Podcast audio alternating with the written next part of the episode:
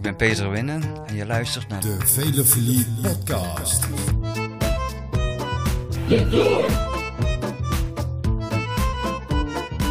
Oh là là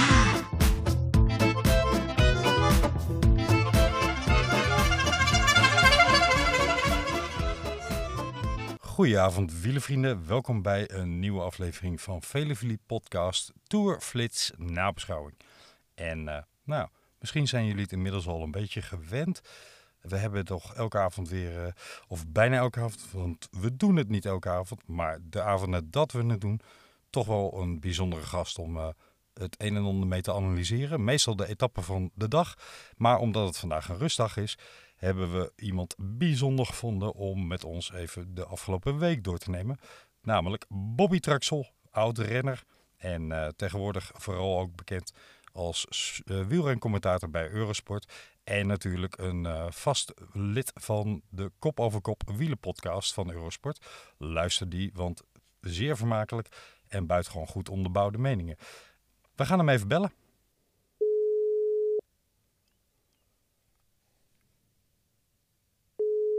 Met Bobby Traxel. Goedenavond Bobby Traxel met Camille Rekman, Velevilie podcast. Goedenavond allemaal. Goedenavond, fijn dat je bij ons in de uitzending wil zijn Bobby. Ik zeg elke keer uitzending alsof het de radio betreft. In deze aflevering van onze Velevilie podcast Tourflits nabeschouwing. Het eh, is ons een genoegen. Ja, leuk dat je, dat je erbij bent. Wij hebben een aantal dingen gemeen eh, Bobby, denk ik. Oei.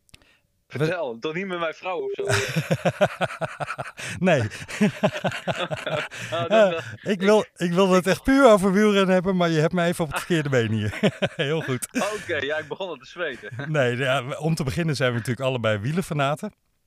Maar we hebben Ja. ook allebei een verbinding met beat cycling. Ja. Ja, Dat klopt. want jij staat mede aan de grondslag, aan, aan het idee waaruit beat cycling ontstaan is. En eh, je hebt meegeholpen met de oprichting, hè?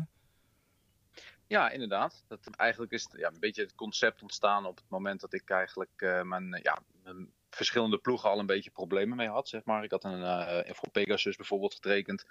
En daar had ik dan wat problemen. Dat was na mijn overwinning in Kuurne Ehm, toen later had ik dan nog een tweejarig contract bij de Champion System, eh, die Chinese ploeg, waar ik het echt super naar mijn zin had. Alleen eh, die tweejarig contract bleek dan een eenjarig contract te zijn. Hmm. En toen heb ik in 2014 heb ik eigenlijk met een eh, ja, de Met Bobby campagne begonnen om eigenlijk te laten zien dat er veel meer is dan alleen maar eh, afhankelijk zijn van één of twee grote hoofdsponsors. En toen, eh, ja, daarmee, eh, dat, eh, eh, dat, was, het- dat was misschien de startblok van eh, wat Beat nu is, zeg maar, ja. Ja. ja want jij hebt ook met eh, de medeoprichters Edwin Gullix en eh, Geert Boekhuizen gesproken. Hè? En, en meegedacht over hoe zou dat concept er dan uit moeten zien met een community en een clubgemeenschap enzovoort. Ja, nou ja, ik, ik denk dat het november 2013 was dat eigenlijk Theo Maugler, eh, Geert Broekhuis en ik met z'n drieën samen zaten. En toen hebben wij, ik denk dat het in 2016 of 15 is geweest, dat we voor de eerste keer bij, ehm, bij Edwin Gullix inderdaad op, eh, op kantoor waren. Ja, leuk. Dus het, het eh, project loopt al een tijdje. Ja. Eigenlijk was je, nou ja, eh, de coronaperikelen met alle sponsor... trammeland die er nu aan de hand is, hè, en met alle gedachten over welke ploeg overleeft er en welke niet en zo, dat was je eigenlijk al jaren vooruit qua denkwijze. Ja, dat, eh, ja, dat denk ik wel, ja. Maar dat, dat heeft ook te maken met het feit dat je soms een keer de, uit de wielersport durft te stappen. Zoals ik dat heb gedaan na mijn carrière. Ja. En na mijn carrière had ik de optie om, ja, om ploegleider te worden bij verschillende Nederlandse ploegen. Dan zijn er nu nog maar twee van de drie, zeg maar. Eh, en andere opties, alleen toen wilde ik dat gewoon niet. Eh, en ik zeg dat nu nog steeds niet. Alleen, ik, ik, je weet ook wat nooit wat, wat de toekomst brengt, zeg maar. Maar ehm, ja, ik had zoiets van, ja, stap eerst een klein beetje uit de wielersport. Nou, dan moet ik zeggen dat het echt het hele, helemaal uitstappen, dat zal nooit gebeuren met het virus. Eh, dit virus ga je nooit bij mij uit mijn lichaam krijgen. Ik hoop een andere virus er niet in komt, overigens. Ehm, dus, eh, dus ja, dat, eh, ik, ik, ik, ik, roep heel vaak voor de wielersport van we moeten veel meer kijken naar andere sporten. met trainingsvormen, maar zeker ook naar andere bedrijfsvormen. Hoe eigenlijk een wielerploeg, een, een bedrijf gerund wordt. En dat, eh, ja, dat, dat, dat, dat, is nog steeds ja, een heel belangrijk punt. Want ja, inderdaad, eh, er zijn nog steeds een hoop ploegen die onzeker zijn voor volgend jaar bijvoorbeeld. Ja, ja. Nou, eh, ik, jij kent onze show volgens mij. Ehm, Don en ik uh, presenteren de Velevilie podcast. En wij zijn allebei wielerfanaat in de breedste zin van het woord. Dat wil zeggen dat we van de weg van het veld, maar zeker ook van de baan houden. En proberen daar ook echt uh, wat aandacht aan te besteden. Dat doen jullie overigens in kop over kop ook. en daarvoor hulde. Want ik vind dat de baan soms een beetje ondersneeuwt in alle wieler podcast geweld die we in Nederland en België hebben. Maar we hebben zulke wereldtoppers in Nederland. Ja, die verdienen gewoon een prachtig podium. En daarom vinden wij het ook mooi om een club als Beat Cycling ja, een beetje onder de aandacht te brengen en te volgen. Want die doen hun, hun uiterste best om die baanrenners wat extra structuur en extra mogelijkheden te geven. Dus ja, dat valt alleen maar toe te juichen. Nee, ja, zeker. Het zou, het zou veel meer moeten. En, ja inderdaad, weet je, het is ook, uh, er zouden gewoon nog een paar banen in Nederland bij moeten. Oh, dat is eigenlijk het allerbelangrijkste. Ja, ja. ja. Zijn er toch een hoop verloren gegaan in de loop der jaren. Maar laten wij um, even naar de actualiteit van het moment gaan. En dan hebben we het toch weer over wegwielrennen. Um, om te beginnen, ja, de Tour natuurlijk. Nee, laat ik eerst even een klein zijstraatje ingaan. Want ik wil het zo uh, om te beginnen even over de sprints aan het begin van deze week met je hebben. Maar heb jij vandaag de sprint in de Tirreno gezien? Ja, die heb ik zeker gezien. Ja, jullie ook. Dat, eh, dat, dat, betekent in ieder geval dat jullie de Eurosport player hebben. Dat is goed. Ja, ja. wat, vond je, wat vond je van uh, ik ben Akkerman en ik duik dat gat wel in? Ja, ik, uh, mijn, uh, mijn zoontje heeft twee favorieten. De ene is Pascal Akkerman en de andere is Mathieu van der Poel. Um, en Pascal heeft toch wel een klein beetje een speciaal plekje in zijn hart, omdat hij, uh, vorig jaar op zijn verjaardag kreeg hij een uh, mooi Duits tricootje toegestuurd van, uh, van Pascal Akkerman. Oh, geweldig. dus, dus wij zaten met z'n tweeën op, onze, op mijn telefoon, zaten we lekker in de bank te hangen en lekker op, op de telefoon de Eurosport Player even te kijken. En dan zaten we daar in die finale.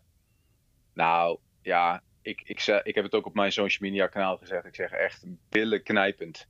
dat je door dat, er was niet eens een gaatje, maar Pascal Akkerman ging er drie keer doorheen. Ja, ja, ja. Het was echt fenomenaal. Ik moet wel zeggen dat het, uh, de, de hekken ook weer een gevaarlijke situatie waren uh, in dat opzicht. Alleen nu ging het gelukkig goed.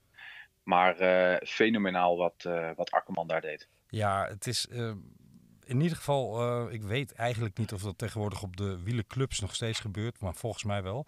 Het is een verplicht onderdeel hè, van je jeugdopleiding om te leren sturen en te leren manoeuvreren in peloton. Maar dit was wel uh, uit de kunst. Dit was echt uh, stuurmanschap. Ja, daar, daar kunnen we er een hoop een puntje aan zuigen. Um, ik nou, nou, ja?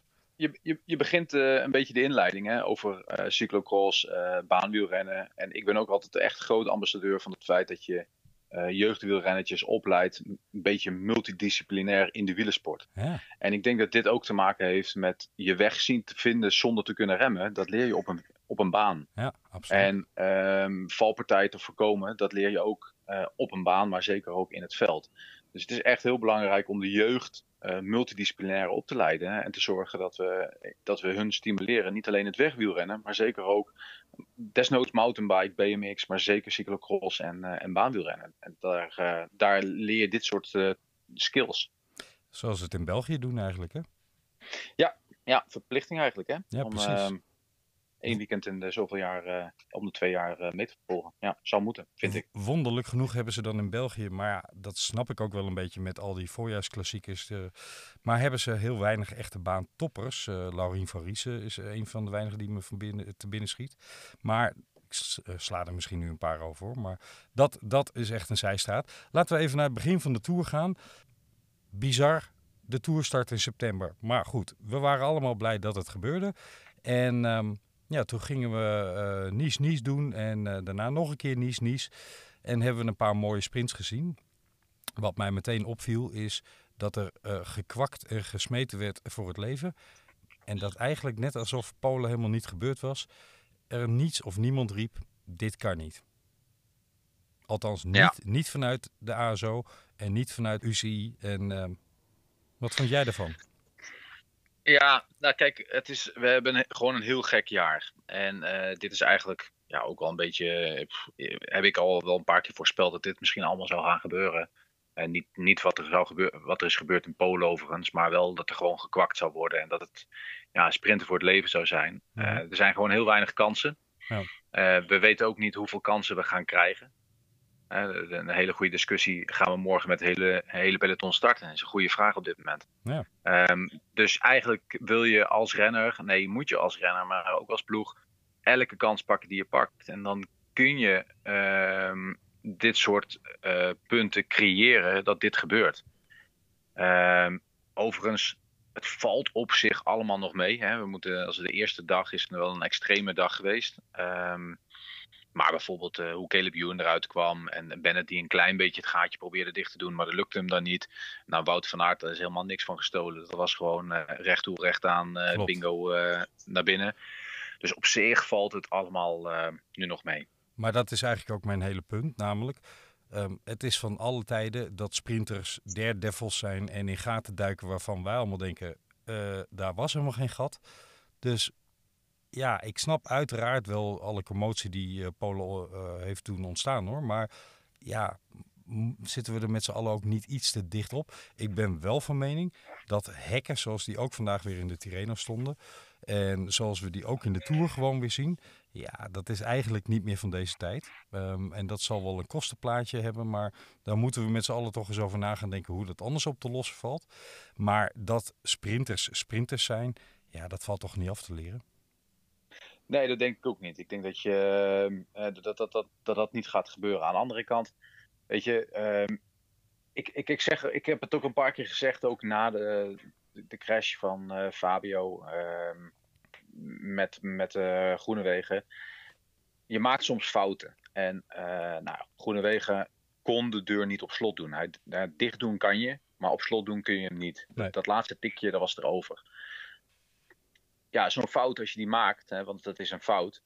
eh, het resultaat, hoe erg iemand eraan toe is die valt, eh, dat bepaalt hoe groot je fout is. Was, was Fabio gevallen en eh, weer opgestaan en misschien zelfs eventjes een hoek gegeven, dan viel dat allemaal wel mee. Ja. Maar nu was, de, was het, ja, het resultaat natuurlijk echt dat het een, een, een ernstige zaak was. En, en, en we komen er nog goed vanaf met, met Fabio, tenminste tot nu, tot nu toe. Ik weet niet wat er allemaal nog gekomen, daar, daar daar zijn we niet echt van op de hoogte. Maar ja, dat, dat, die deur echt dicht doen, ja, daar moeten we wel op straffen. Want dat kan gewoon niet. Hè? Dat laatste elleboogje of het laatste manoeuvre, eh, daar moeten we echt wel op straffen met elkaar. Zodat je het niet meer doet.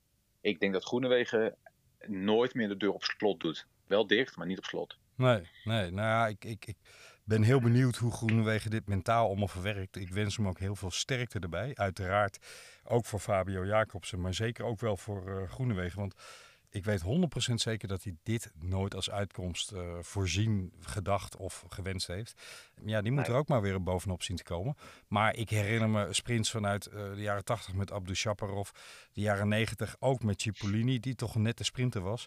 Ja, er wordt altijd gekwakt en er worden altijd elleboogjes, hè, Tom Steels, kopstootjes. Maar er worden ook altijd gaten ehm, ja, dichtgereden, zeg maar. hè, De deur op slot, eh, hoe je het ook wil noemen. Dat is eigenlijk van alle tijden en er is nooit echt op bestraft. Ja, het bizarre is nog met de sprints waar jij het over hebt, dat er renners waren die er geen helm op hadden. En, en, en in plaats van dat het er drie of vier waren, eh sprinten ze gewoon met eh, twaalf man op een rij. Bizar, Ja. bizar. Ik, eh, ja, ik had van de week toevallig een, eh, een, eh, een tweetje op mijn, op mijn, Insta of mijn, mijn Twitter-account geplaatst over een van die, ja, van die sprints in de Tour. Waar ik denk dat je het wel herinnert nog dat Tom Steels met een bidon gaat gooien. Jazeker, nou, da- daar, werd, daar gebeurde zoveel in die sprint. exact. Ja, in, in mijn droom was ik toen commentator. Want dat, dat is toch wat je eigenlijk misschien wel wilt en wilt analyseren. Misschien wel. Als ik dan eh, ben ik misschien geen commentator, maar meer een analist in dat Ja. geval. Ja. Maar dat je dat soort dingen gaat analyseren, dat is wel echt eh, ja, gewel, geweldig, geweldig om te doen eigenlijk. Maar Gelukkig bleef iedereen overeind. laten we wel zijn, ehm, niemand hoopt op zware ongelukken. Maar dat wielrennen een, een tikkie gevaarlijke sport is, dat weten we allemaal. En ja, dat zit ergens ook in de aantrekkingskracht. Ik eh, sprak onlangs Bert Wagendorp en die zegt... dat zit gewoon in de marketingmix van wielrennen. Als het eh, heel veilig wordt, waardoor je op een afgesloten circuitje gaat rijden... wordt het minder interessant. Ja, dan, dan, dan is deze sport een dode opgeschreven. Exact. Ja. Nee, maar het is ook zo, alleen in die sprints, er zijn nog een hoop dingen eh, die we daar kunnen verbeteren. En ik heb ook gezegd als, als voorzitter van de vakbond, wat ik ook nog ben, Mhm. Ehm, weet je, je kunt een checklist maken van, eh, nou, laten we zeggen, 20 punten wat eh, moet of niet mag in de laatste 5 kilometer. Ik heb het helemaal niet over langer, want je ziet dat de meeste echte grote ongelukken gebeuren in die, in die sprints. Ja. En daar kun je een hele makkelijke, simpele checklist van maken. En dat zijn, zijn simpele puntjes, zoals bijvoorbeeld eh, geen haakse bocht meer op, laten we zeggen, 300 meter van de finish. Nou, oké, weet je, als we dat met elkaar afspreken dat we dat niet meer doen, dan wordt het ietsje, ietsje veiliger. Eh, het, het type dranghek dat we gebruiken. Eh, vanaf wanneer we dranghekken gaan neerzetten. Geen paaltjes in de sprint. En dan denk je van ja, geen paaltjes in de sprint. Ja, drie jaar geleden hebben we nog een renner gehad die eh, een dubbele beenbreuk had aan een paaltje in de sprint. Ja, Ja. weet je, dat soort zaken. Vorig jaar in Weet je- Italië toch? Eh, onder 23 die eh, overleed naar een paaltje op, eh, wat was het? 200 meter van, eh, van de meet? Ja, nou dat bedoel ik. Kijk, weet je, dat zijn allemaal van die simpele dingen die we gewoon wel met elkaar kunnen afspreken. En dan maken we het een stukje veiliger. Ja. En eh, ja, je, hebt dus, je hebt dus een aantal punten. Je hebt dus het straatmeubilair wat de wedstrijden onveiliger maken. Nou, dat zullen we dan in, in, in de hand moeten nemen, zeg maar. Eh, dan heb je de actie van de renner. Daar zouden wij zelf nooit geen grip op hebben. Buiten het feit dat je echt. eh, op zich kwamen er een paar mensen met bijvoorbeeld een kaartensysteem. Twee keer eh, geel is rood. En een disqualificatie of een tijdje uit de koers. Ja. En dan gaan renners misschien ook wat voorzichtiger doen. Ehm, en, je hebt dan nog type, type aankomst, hè, zoals het bergafwas of ja, naar beneden gaand en dan met 80 per uur sprinten, zoals in Polen. Ja, waarom dan niet van de andere kant op komen en dan een berg op sprinten? Ga je aan 50 per uur? Dan gaat de valpartij ook iets minder zijn. Ja. Dus er zijn, nog, er zijn echt wel een hoop dingen die we nog ehm, zou, echt wel zouden kunnen verbeteren. En best wel makkelijk zouden kunnen verbeteren. Ik ben het 100% met je eens. Al hoorde ik je ook zeggen, eh, geen haakse bochten eh na zeg in de laatste kilometer. Dan zie ik zomaar drie etappes uit de afgelopen week in de Tour verdwijnen. Daar zaten er wel weer een paar in. Geen haakse bochten, wel rotondes en eh, ja, rare obstakels eh, op het laatst. Maakte wel dat we een spectaculaire week gezien hebben. Met, ja, wat mij betreft toch één iemand die er, als we even het klassement buiten beschouwing laten, zeker bovenuit sprong. De nieuwe superman in het peloton. Ja, Wout. Zeker. Ja. Hoe, Ja, heb jij, dat- hoe heb jij naar hem gekeken? Ja, ehm, nou ja, ik, wij, eh, ik, ehm, ik denk dat hij ehm, zeven van de negen etappes had kunnen winnen. Als hij voor zichzelf had mogen rijden. Ja, precies. Ja, dat, eh, dat denk ik echt. Eh, als je kijkt nu wie er allemaal gewonnen heeft. En ik denk dat eh, nou, in de eerste etappe heeft hij het niet geprobeerd. Was het ook slecht weer. Eh, maar had hij kunnen winnen. Etappe 2 van Alaphilippe en Hirschi had hij zeker ook kunnen winnen. Bleef hij bij Tom Dumoulin toen hij, eh, toen hij viel. Maar had hij gewoon kunnen willen, winnen. Eh, Caleb was misschien net iets te rap. Maar het wel zijn best kunnen doen om etappe 3 te winnen. Eh, ja, zo kan ik nog even doorgaan. Etappe 4 was Roglic, maar daar reed hij alles naar de kloten eigenlijk. Ja, weet je, ja, ik kan nog even doorgaan. Maar volgens mij had hij echt 7 van de 9 etappes kunnen winnen. En had hij het groen nu al binnen gehad. Ja, zo goed is hij. is echt, echt uniek hoe goed hij is. Echt uniek. Het is echt een, een, een next level. eh, want als je gewoon beschouwt dat hij in een maand tijd eh, niet alleen eh, op de Piresour loopt te jassen en eh, daar gerenommeerde klimmers uit het wiel rijdt, maar ook gewoon drie weken of wat was het daarvoor de Strade Bianca wint. Ja, bijzonder. Ja, ja hij, is, hij is op dit moment, ja, hoort hij echt absoluut bij een van de beste renners van de wereld. Ja. Ik denk dat de winnaar van de Tour de France zich daarbij gaat aansluiten. Dat is dan nog ook weer een keer een ander niveautje. Maar ja, hij rijdt, hij rijdt echt verschrikkelijk hard. En hij heeft menig klimmer inderdaad op dit moment eh, kapot gereden. Ik denk zelfs dat hij mede, mede verantwoordelijk was voor het, eh, het einde topplacering van Tom Dumoulin. Precies, ik wilde namelijk een, fantastisch bruggetje geef je aan. Ik wilde net eh, die brug nemen.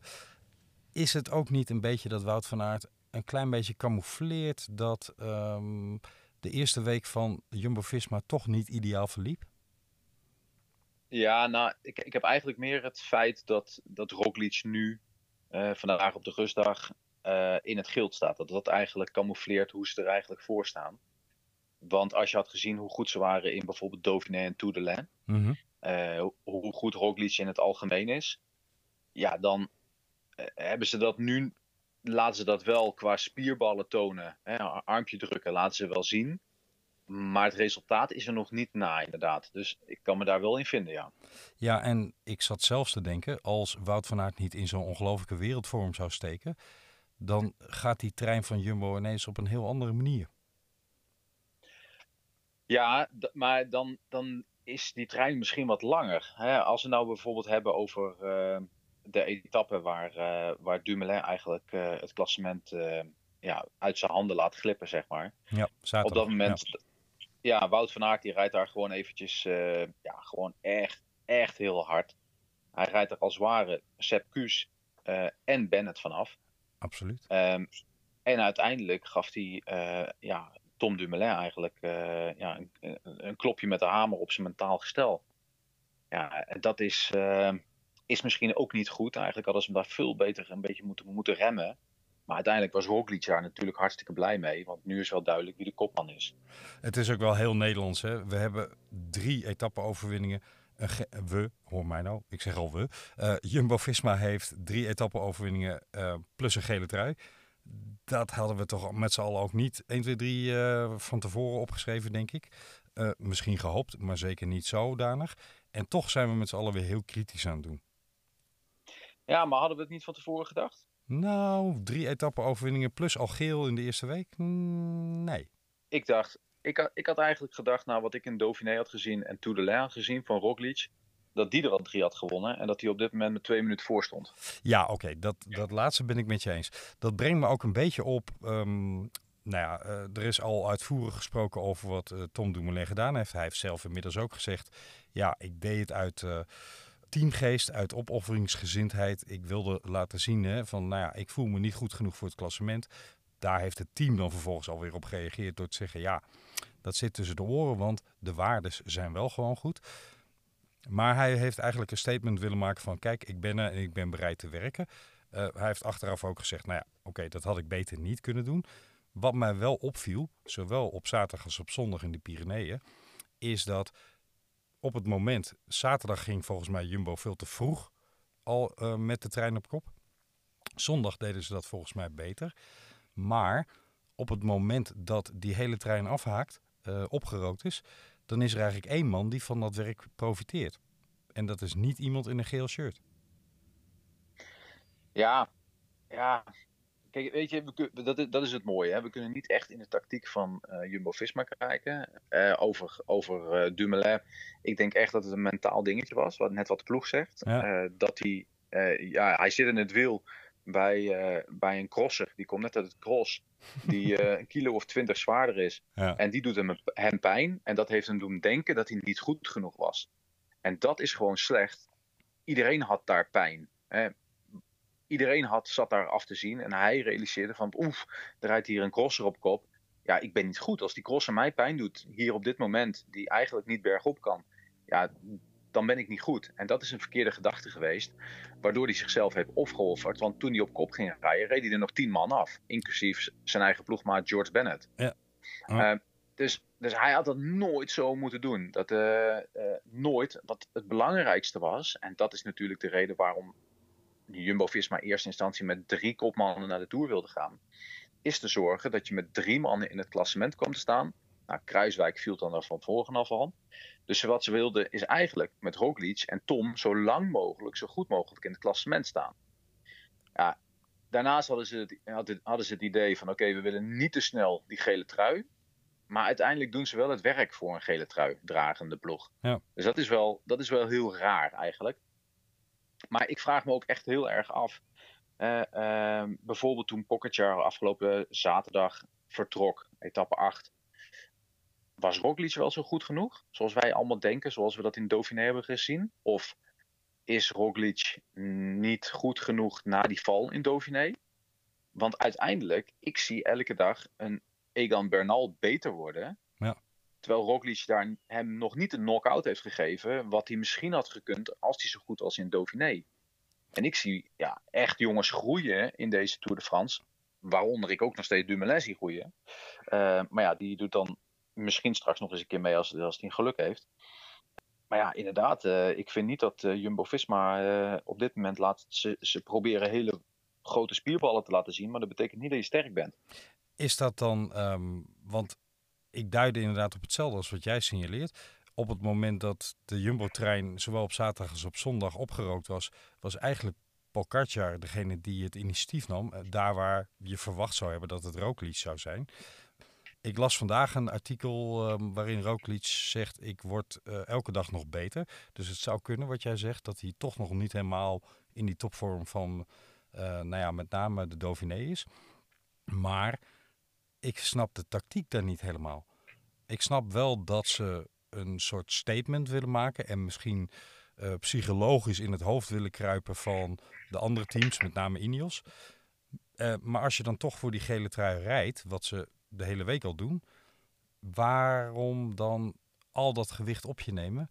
Dan zou bijvoorbeeld Mitchelton het niet hebben kunnen doen met Yates.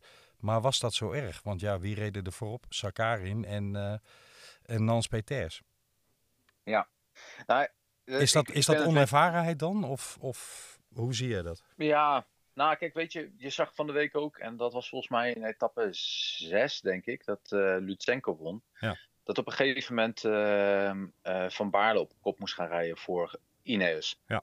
En dat was aan een redelijk mm, relaxed tempo dat dat eigenlijk ging. Er werd niet extreem hard gereden. Maar ze kwamen daar wel eventjes met z'n allen op kop. Ik denk, en dat heb ik toen ook tijdens de uitzending gezegd, wat ze daar deden is eventjes spierballen tonen. Omdat blijkbaar, denk ik, Bernal gewoon niet goed was die dag.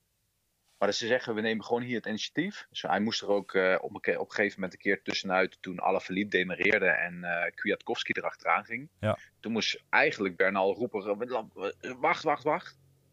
Ik denk dat dat juist een moment was geweest waar je wel als ploeg misschien een keer een, eh, een soort knock-out had kunnen geven. En dat is misschien met Jumbo-Visma ook, hè. Het, het laten zien, het iedereen individueel zetten. Want uiteindelijk zorgt Jumbo-Visma er wel voor dat elke dag iedereen alleen zit en dat het een man tegen man gevecht is, die Pogacar eigenlijk altijd wint. Dat is wel weer de situatie. Ja. Eh, maar ja, inderdaad, eh, daarin, eh, daarin moeten ze nog wel een beetje een volgende stap zetten. Alleen ja, eh, misschien kan Roglic inderdaad gewoon niet beter dan op wat hij doet op dit moment. Zou het dan een soort van bluffpoker geweest zijn om te camoufleren dat hij net niet dat stapje extra heeft op dit moment? En dat ze hem eigenlijk daar misschien wel mee gered hebben in de eerste week? Dat zou eigenlijk de enige Ja. goede verklaring zijn.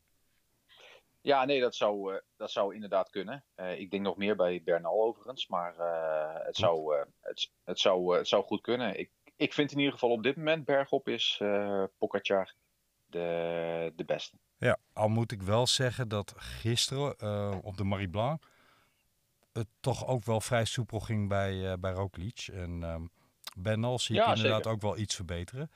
Maar Ja. er- zijn er wel meer die, die me mee of zeker positief opvallen.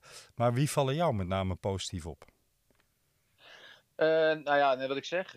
Pogacar is natuurlijk eh, gewoon echt heel goed. Hirschi is een mooie aanwinst voor, voor de wielersport in het algemeen. Hadden we natuurlijk vorig jaar al wel gezien. Ja. Alhoewel dat heel erg onder, ja, met winst van, van Evenepoel in San Sebastian. Dan viel de derde plek van dit grote talent viel dan gewoon minder op. Dat is natuurlijk een grote winst. Wout van Aert doet het gewoon fantastisch goed. Ik denk dat dat wel de drie belangrijkste mannen van de eerste, eerste lange week zijn geweest. Ik, ik, het heeft mij in ieder geval positief verbaasd dat Uran zo lang mee kan. Ik was toch een beetje bevreesd dat hij na die valpartij eh, van vorig jaar ja, dat niveau niet meer zou kunnen halen. Maar die, eh, die draait goed mee. Richie Poort heeft etappe 9 overleefd. Dat is ook een, eh, een unicum van de afgelopen jaren. Bauke Mollema is, is weer aan het groeien in, in het dieselen, in het mollemalen. Maar wie mij met name heel erg positief opvalt... en dat is niet eens zozeer een verrassing, maar is Guillaume Martin. Geweldig hoe die rijdt. Ja, absoluut. Ja, jammer dat die Fransen tegen elkaar rijden. Maar eh, ja, voor de rest eh, inderdaad eh, heel interessant. Bardet natuurlijk ook nog wel weer goed. Jammer dat Pinot er weer tussenuit valt. Weet je, je kunt er heel veel over, over, over spreken. Maar ja, ik ben benieuwd wat, hoe lang Guillaume Martin dit vol gaat houden. Heb jij een, een voorzichtige schatting daarvan? Nee, Geen ik, eh, Vorig jaar was hij twaalfde, geloof ik. Hè? ja, ik denk dat hij top 10 kan halen. Hij kwam hier ook wel een beetje voor de top 10 weer. Ja. Eh, doet het nu gewoon goed. Ik denk dat eh, etappe 10, dat dat wel een hele belangrijke etappe gaat worden. Zo, Ik, ik hoop het in ieder geval. Start to finish op de kant, lijkt me wel geweldig. morgen hè? Ja. om er gelijk weer, om de tweede week gelijk mee te beginnen. Dus daar kan zoveel verschrikkelijk veel gebeuren. Maar ja, er gaat gewoon, eh, de Tour gaat gewoon elke dag kun je je klassement verspelen. Je ziet het de laatste drie dagen dat er toch elke keer renners tussenuit vallen. Eh, en dat gaat de komende dagen zeker ook komen. Ja, nou, Aru heeft mij niet verbaasd. Jammer, maar ja, dat is geweest. Ja. Pinot heeft me wel verbaasd. Dat waren dure Scorito-puntjes. Die, eh, die er niet Ja. gaan komen. Maar wat ik eigenlijk ook wel een beetje raar vind, is het afstappen van wat sprinters. Eh, zoveel bergen hebben we nou ook weer niet achter de kiezen inmiddels. Nee, maar uiteindelijk. eh, er zijn er ook nog niet zo heel veel afgestapt. Hè? Als je nou eh, nog kijkt. Kijk, we hebben de eerste, de eerste dag. Hebben gewoon door die valpartijen. Hebben gewoon echt wel een serieuze schade opge- opgelopen. Hè? Met Gilbert, Degenkolb. En heel belangrijk voor, voor Landa. Dat Rafael Vijs uitviel. Ja. Ja, dat, was, een- dat was een groot gemis. Toen. ja, toen hadden we daarna hadden we eigenlijk eh, nog een uitval van eh Perez. Nou, dat, dat, dat was ook een beetje een vreemde. eh, hij pakte, pakte de bolletrui eigenlijk. Alleen toen knalde hij met een klapband tegen de auto van, van zijn eigen ploeg aan. Ja. Een tegenvallen dat Calmejean eruit is gevallen. Maar als je dan kijkt, de, de enige andere sprinter die eruit is gegaan is eigenlijk niet Solo. Maar ook door die valpartij die er was. Dat is waar. Bonnet. Op zich, op zich valt het allemaal nog. eigenlijk nog mee. na- ja, het zijn allemaal gevolgen vanaf de, van de eerste, valpartij, eerste valpartij van. Of de eerste etappe in deze Tour de France. Ja, ik dacht eventjes vanuit eh egoïstisch Scorito standpunt. Eh, want ik had inderdaad niet solo eh, ook in mijn equipe zitten. Dus ja, die, die gaat wel voor een deftige plek op de lijst miskoop van, van dit jaar. Dat dan weer wel. Maar hij kon er misschien niet zo heel veel aan doen. Ik vroeg me af. Ik hoorde Servaas Knaven van de week in een interview. Ik weet niet meer of het bij Vive le Velo was of bij de NOS. Maar die was uitgebreid aan het uitleggen. Alles gaat goed. We staan er eigenlijk zelfs beter voor dan vorig jaar. Eh, we is dan Benal. En eh, ja, calm and collected. Is dat bluff? Hebben we het net een beetje over gehad? Of zijn die gewoon stiekem andermans bordje ouderwets aan het leeg eten? En komen die inderdaad, zoals ze communiceren, in de derde week ineens uh, patsboom naar boven drijven? Ja, ik denk dat ze niet hadden gedacht dat ze op dit moment tweede zouden zijn op slechts 21 seconden van Roglic. Nee. Dat eh, denk ik eh, ook niet. Dus in dat opzicht eh, gaat het voor Bernal en Ineos Grenadiers gewoon, gewoon heel erg goed. Ik denk dat ze wel een paar keer geknepen hebben afgelopen week, maar dat iemand anders ja, gewoon niet ja, de knock-out heeft verzorgd. Want ik denk, ik ben heel erg bang dat, kijkend naar het duel tussen Roglic, Bernal, en er gaan uh, nog meer komen zoals Pogacar natuurlijk. Maar uh, Roglic, Roglic, Bernal, dat was eigenlijk het gevecht waar we voor de Tour naar keken. Van dat gaat het worden. Daarin zie ik, uh, daar hadden ze wel gedacht dat uh, Roglic nu een, een, grotere voorsprong zou hebben op Bernal. En dat, ja, dat, dat is alleen maar goed voor de mannen van Ineos Grenadiers. Het is prachtig dat het hele klassement tot en met plek 12 gewoon echt allemaal uit individuen bestaat. Want dat maakt het een open tour ik, ik heb ook zitten nadenken, Bobby, of Jumbo is natuurlijk ontzettend wetenschappelijk bezig. Dat is uh, Ineos Grenadiers ook. Maar Jumbo heeft misschien wel heel erg nagedacht over... oké, wat is er vorig jaar in de Giro gebeurd? Ook dankzij de valpartijen, maar... Toen ging uh, met een enorme topvorm de Giro in. En was de derde week eigenlijk er net te veel aan. Hebben die misschien ook wel niet gezegd... we gaan echt zoveel mogelijk in spaarmodus Nee, dat, dat denk ik eigenlijk niet. Nee? Uh, kijk, uiteindelijk dat, dat Roglic nu misschien wat minder is dan in, uh, in, uh, in de Dauphiné. heeft vooral te maken met die valpartijen. Dat hij gewoon eigenlijk een week niet echt heeft kunnen trainen. Ja. Uh, dat, dat is, dat is, kijk, dat, dat kun je, je kunt, je kunt alles gaan regelen. Je kunt alles in de computer gaan doen. Dat kunnen ze bij, uh, bij, bij Ineos Grenadiers of bij Jumbo-Visma doen. Maar een valpartij en een blessure, dat, dat, dat kunnen ze gewoon nog niet uh, in de computer zetten. Uh, dus dat is het grootste probleem, denk ik. Ja, en daarna, dan moet je uitgaan van je eigen krachten. En dat, dat doen ze nu ook. Ehm, maar, maar daar wel bij wetende. Dat weet ik niet. Ja, ik weet niet. Het lijkt erop alsof Roglic bewust, hè, dat was misschien wel om die gele trui te ontlopen, maar ook bewust ja, zegt ik, eh, ik laat het initiatief aan anderen. Ja, ik, ik, ik durf het niet te zeggen. Dat is wat ik, waar, ik- waar ik over twijfel. Ja. Eh, of het is een hele coole kikker die dat durft. of hij is gewoon niet goed genoeg. Eén van die twee gaat het zijn. Hij is, Ehm. hij is sowieso een hele coole kikker. Ja, maar dat kan hem wel duur te koop staan als ik de ontwikkelingen van eh, Egan Bernal op dit moment zie. Die, gaat, die maakt veel grotere stappen in deze Tour dan Roglic. En dan gaat hij straks wel een probleem hebben. Dus dan is hij een beetje te cool geweest, denk ik. Ja, ik Maar dat er- is natuurlijk achteraf. ik zit een beetje terug te denken aan ehm, die man die eh, zeven kruisjes achter zijn naam heeft staan. Waarbij eh, toen de tijd ook altijd het, het motto was. En volgens mij werd er toen zelfs live vanuit de ploegauto gebeld met dokter Ferrari. Van eh, wat Ulrich nu aan het trappen is, kan hij dat lang volhouden? En dan was het antwoord gewoon nee, houdt hij niet vol. Zouden ze ook niet een beetje met die visie op dit moment bij Jumbo bezig zijn? Van nou ja, eh Benal groeit, maar Roglic groeit ook. We hebben namelijk een andere strategie gekozen dan voorheen, zeg maar. Ja, zou kunnen. Eh, dat, dat- ja, dat gaan we afwachten de komende weken. Maar Ja. dan ja, ben ik ook benieuwd hoe ze Pogacar in de gaten gaan houden. Absoluut, want dat is eigenlijk voor iedereen hè, het ongeleide projectiel. En dat is ook waarom ik er zo verschrikkelijk van hou. vorig jaar in de Vuelta al, maar nu ook. Hij vliegt er gewoon in. Ja, En- nee, precies. En eh, die ga je niet zomaar eh, eh, vasthouden, want die demareert gewoon zeven keer. Ja, Wat precies. iedereen denkt dat niet kan. Ehm, zijn er bu- buiten de namen die we nu genoemd hebben, voor jou nog andere opvallende dingen gebeurd in de eerste week? En dat kan in positieve of in negatieve zin zijn. Eh, poeh. Eh, nou ja, een hele goede is natuurlijk de eerste overwinning eh, in, in deze Tour de France. Dat was van Christophe. Wie had dat nog verwacht, zeg maar. Echt hè? Ja, nou, alle verliep. Ik denk, het was voor mij geen verrassing. Hè. Hij was heel wisselvallig. Was heel knap wat hij deed in, in Nice. Ik vond het ook heel jammer hoe hij eigenlijk het geel verloor. Door een bidonnetje in die laatste 20 kilometer. Was misschien, die straf is misschien iets te zwaar. Zouden we met z'n allen eens een keer naar moeten kijken. Ja. Maar voor de rest zijn er niet echt eh, grote verrassingen eigenlijk. Wat mij wel heel erg opgevallen is, is ehm, ja, toch een soort vorm van solidariteit die ineens in het peloton eh, eh, rondgaat. Waar het jaren en jaren niet te organiseren was. Of het moest Fabio Cancellara zijn of Hinault in het verleden. Maar ieder voor zich en God voor ons allen het, het gangbare motto was. Hebben we deze Tour toch al twee of drie keer momenten of soms zelfs een hele etappe gezien. Dat ik dacht, nou, de heren coureurs zijn het flink met elkaar eens en doen het eh, veilig aan, zullen we maar zeggen. Heeft me verbaasd. Ja, ik denk, nou ja, ik denk ook wel dat, eh, dat de renners er steeds meer over na gaan denken. En er is natuurlijk ook een hoop discussie eh, over geweest. En je hebt ook een hoop tijd gehad in die coronaperiode om over dat soort dingen na te denken. Ja. Eh, dus het is ook een logisch vervolg wat, ze, wat er eigenlijk gebeurde in de eerste rit. Die soort van neutralisatie, wat geen neutralisatie was.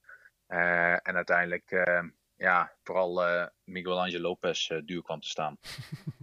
Had, had hij er maar niet vandoor moeten gaan. ja, precies. Dat noemen ze geloof ik ook wel karma. Ik wil eigenlijk ehm, ehm, nog één ding aan je voorleggen, Bobby. En dan ga ik niet te veel van je tijd meer opsnoepen. Tom Dumoulin heeft, ehm, nou, we kunnen er 120 stellingen en filosofieën op loslaten. Ik denk ehm, dat hij zichzelf onderschat. Dat denk jij ook, dat weet ik bijna zeker. En dat denkt volgens mij zijn ploegleiders ook. Valt dat proces, denk je, nog om te draaien? Het is natuurlijk een Nou- mentaal aspect, maar kun je dat gedurende zo'n ronde, als je niet die bevestiging vindt in de vorm van, nou, ik eh, klim iedereen eruit, zoals hij eh, in het verleden op het WK 2018 bijvoorbeeld wel had, hè, die overtuiging. Kun je dat nog opbouwen in zo'n grote ronde? Ja, ik denk het wel. Ik vind eigenlijk dat dat, dat kan wel. Ik denk namelijk dat als jij gewoon s'avonds de beelden laat zien aan Tom, wat hij bergop doet en wie er allemaal afrijdt. En hoe goed hij dan eigenlijk nog boven komt. Ja. Ja, dat, je daar, dat hij daar echt wel, eh, eh, ja, echt wel eh, moraal moet van, gaan, van krijgen. Ja, ik vind het gewoon zonde, want ik denk inderdaad dat hij gewoon nog steeds, eh, nou nu niet meer, maar eh, dat hij, eh, ja, voordat we aan de Pyreneeën begonnen, vo- vond ik hem nog meer groeien en nog een beter gezien worden in die hele Tour. Dat ik echt had gedacht van, die gaat misschien nog de Tour winnen. Nu op de 3.22, ja, dat ga je niet zomaar ombuigen. Nog steeds, hè, het zou nog steeds kunnen. Hè, want uiteindelijk, je weet niet wat het is wat jij zegt. Die eerste twaalf zijn allemaal individuele renners. En je ziet ook dat op de momenten dat het, uh, dat het zwaar wordt, dat, er, dat ze allemaal alleen staan. Ja, daar kun je nog eens een keer van profiteren. En misschien krijg je nog eens een keer een hoop tijd terug hoor. Als je straks nog eens een keer gaat, uh, gaat demareren. Ja, dan zit hij natuurlijk altijd nog met uh, ja, een interne grootste rivaal. Namelijk die voor hem staat. Maar ja, ik zie hem nog wel die top 5 weer uh, in terug kunnen komen. En dat zou dan een mooie bevestiging voor hemzelf kunnen zijn. Van, oh kijk, ik ben wel degelijk nog op dat niveau. Ja, zeker ook als je naar de ploeg kijkt van bijvoorbeeld uh, Pogacar. Hè, wat uh, samen met Bernal misschien de grootste, twee grootste favorieten zijn. Ja, wie gaat hij op kop zetten om, uh, om Tom terug te rijden op het moment dat hij demereert? Ja, ja. En dat ze eigenlijk de druk zetten. En ik denk, ze hoeven er niet achteraan te rijden, omdat hij 3,22 achter heeft. Maar dan kan hij zomaar op een dag gewoon uh, een keer twee minuten terugpakken. Waardoor hij gelijk weer in de top staat. Ja, en dan wordt hij wel weer gevaarlijk. Ja, en uh, wie gaat er dan achteraan? En wie gaat het gat dichtrijden als ze allemaal samen of alleen zijn? En dan kan, ook daar kan Roglic van profiteren. En dat is hetgeen wat ze eigenlijk altijd in hun, uh, ja, in hun programmaboekje hadden staan voor deze Tour de France. Dat het zo zou moeten. Precies. Is, is dit de hoop die spreekt of is dit een reële verwachting? Bij mij is het ook nee, deels de hoop. Nee, ik denk, ik denk echt dat het, uh, dat het kan. Dat weet ik, ja, ik, ik denk dat uh, Tom, Tom ook gewoon nog, uh, nog, een, ja, nog een rit gaat winnen. en dat hij daar nog tijd mee terug, dat hij daarmee tijd mee pakt en gewoon nog terug in het klassement kan gaan komen. Dat, daar geloof ik al in. Ja. het, is wel, het is wel een durf van een ploeg die nu heel gecontroleerd de, de koers te bepalen. En een ploeg die de koers zo bepaalt, ja, die gaat deze sprong nooit, nooit maken. Maar uiteindelijk zouden ze dat wel voor het klassement een keer op het kop moeten gooien. Zouden ze dat een keer uh, moeten gaan doen. Ik, uh, ik hoop dat we morgen al spektakel gaan krijgen. Um, ik heb dat is zeker. vanmiddag nog even op de weerkaart van Frankrijk, of de windkaart van Frankrijk gekeken. Maar er mag nog wel een tandje bij morgen, wil het uh, echt spectaculair worden. Maar uh, er is in ieder geval wind, dus we gaan zien wat dat brengt. Heb jij er net zoveel zin in als ik? Ja, zeker. Uh, windkracht 4, Noord. Maar het komt eigenlijk altijd uit, het, uh, uit, uh, uit de zee. Ja. Dat is het mooie. En vooral vanuit de start. En dan hoop ik dat ze gelijk opknallen. Dan gaan we een mooie koers krijgen. En vanuit de start. Kan jij, Bobby, als, als oud-renner... want ik hoor, ik luister heel veel wielenpodcast... en ik hoor daar toch heel vaak misverstanden over... waarom mensen een, een waaier missen. Kan jij voor onze luisteraars misschien in het kort nog één keer uitleggen hoe het simpelweg met een waaier werkt? Ja, de, mis, de misvatting is hem bij uh, hoe de wind moet staan eigenlijk voor een waaier. Um, ze zeggen altijd schuin tegen, uh, maar de, de, beste wind voor een waaier is schuin mee. Ja, exact. En dan, uh, dan gaat het aan een hoge snelheid. En als er dan een gat valt, dan kun je niet eventjes een paar per uur harder gaan rijden. Dan is het gewoon echt voorbij. Dus dat is de gevaarlijkste wind. Natuurlijk schuin tegen is ook een interessante wind om, uh, om waaiers te maken. En dat zijn vooral mooie beelden vanuit de helikopter. Maar vooral die schuin mee, dat is echt een cruciale wind. En ja, die hebben we morgen vanuit start. Dus dat is uh, heel erg interessant om te gaan kijken morgen. Maar ben jij met me eens dat uh, een waaier missen soms ook gewoon puur ja, statistiek is? Want de weg is, laten we zeggen, 6 meter breed. En daar kunnen dan misschien acht of negen renners naast elkaar rijden en ben jij nummer 10, dan zit jij niet in die waaier. Nee, of je moet kanselaar eten. Maar nee, oh. meest, meestal niet. Nee, precies. En wat er dan vaak gebeurt is, uh, als je niet in die eerste waaier terechtkomt, dan moet je met z'n allen zo snel mogelijk daar heel kort achter een tweede waaier op zetten. Maar daar zitten dan vaak jongens in die het belang niet hebben om goed te gaan draaien in de waaier. Omdat bijvoorbeeld hun kopman of een uh, aangewezen dagwinnaar wel in die eerste waaier zit. Dus de organisatiegraad in een tweede en in een derde waaier is altijd minder en duurt langer om die op touw te zetten. Ja, nou, je moet het echt als ploeg aanvatten. Hè? Dus ja. je moet zorgen dat je als ploeg bij elkaar bent. En dan kun je makkelijk in de tweede waaier zitten. En als je het dan goed op orde hebt, desnoods gooi je het nog eens een keer, uh, nog een keer extra op de kant door een halve baan te gaan rijden. En daar nog eens een keer de helft van inter, uh, vanaf af te rijden. Ja. Uh, maar het belangrijkste is echt als ploeg dat je elkaar ook op een moment terug in de waaier te komen. Dat is vaak een gevecht. Dat is gewoon echt kwakken en duwen. Uh, maar als je daar een ploeg hebt zitten, dan wordt er gekwakt en geduwd. En dan laten ze jou ertussen. En dat is eigenlijk cruciaal. Dus met een ploeg ben je er altijd. En daardoor ja, hebben we het ook steeds meer over een ploegsport dan over een eh, individuele sport. Natuurlijk moet je het individueel doen, maar zonder ploeg ga je de Tour de France niet winnen. Ja, daar schieten mij drie waaiermomenten nu te binnen. Eén waarin het wel individueel was, 2009 uh, Contador uh, versus Armstrong. Hè, dat was het van individueel. Uh, vorig jaar Hikita die in een waaier meedraaide. Fantastisch beeld. Dat kleine mannetje tussen, tussen al die grote mannen. En de waaier-etappe, of de twee eigenlijk, uit de Vuelta van vorig jaar. En dan mag ik van harte hopen dat Jumbo die heel goed geanalyseerd heeft. En heel goed heeft nagedacht over hoe voorkomen we dat ja, het weer zo mis kan gaan. Vanuit de start eigenlijk de slag missen. Ja, nou, ik denk ook wel dat uh, uh, zeker toen, uh, ja, toen stonden ze gewoon niet op de eerste rij. En nee. ik denk dat ze morgen wel op de eerste rij gaan staan. Dat, daar hebben ze echt wel van geleerd. Ik denk dat sowieso dat ze er echt wel goed hebben gekeken naar vorig jaar. Wat er misging in de Giro, wat er misging in de Vuelta. Dat eigenlijk nooit de wedstrijd in de handen hebben. daar hebben ze heel veel van geleerd. Uh, en dat proberen ze nu te, te creëren. Maar uh, er zijn altijd paniekmomenten die je niet uh, gevisualiseerd kunt hebben. Nee. En, en dan moet je kijken of een ploeg en ploegleiding daar cool en goed op reageert. Ja. Maar ja, dat is paniek, paniekmomenten en daar komen de beste naar voren. Ja, en dan moet je een wegkaptein hebben. Hè? Tony Martin uh, zou dat moeten kunnen sturen. Wie ik ook zeker weet, uh, of waarvan ik ook zeker weet dat hij morgen zeker op de voorste lijn of uh, daar kort achter zal staan, is Bauke Mollema. Die zal wel wakker zijn dit keer. Ja, ja. Apart verhaal. Ik, ik, weet je, ja, nou, ja, ook dat. Hè, dat, dat één. Maar twee ook, uh, vlak voordat hij waar je kwam, had Pogacar en Bauke Mollema pech. Ja. En was dat niet gebeurd, hadden we misschien een hele andere koers gehad. En hadden we misschien Roglic of uh, Pogacar nu wel in het geel gehad. Uh, dus weet je, het is daar ook, het is ook soms gewoon geluk hebben dat je op de juiste momenten geen pech hebt. Um, want ja, dat, dat hoort er nou ook gewoon eenmaal bij. Klopt. En uh, ik hoop, uh, ja, Bouke is gewoon een goede coureur. En Bouke staat gewoon uh, als beste Nederlander op dit moment in het klassement. we weten van Bouke dat hij zich wel omhoog werkt en harkt. Het is meer op een harkende manier waarvan je denkt dat hij eraf gaat. Maar dat is gewoon een manier zoals hij fietst. Ja. En uh, ik denk dat Bouke gewoon nog wel uh, een top 10 kan gaan rijden, ook in deze Tour. Dus uh, nee, daar heb ik ook nog wel vertrouwen in. Ik zeker weten ook. Nee, ik refereerde ook veel meer aan het verhaal wat in eerste instantie naar buiten kwam. Van, ja. dat het niet besproken zou zijn. Want het was inderdaad ja. gewoon pure materiaalpech die, die het veroorzaakte. Alleen ik vond de communicatie eromheen zo raar. Daarom, ja.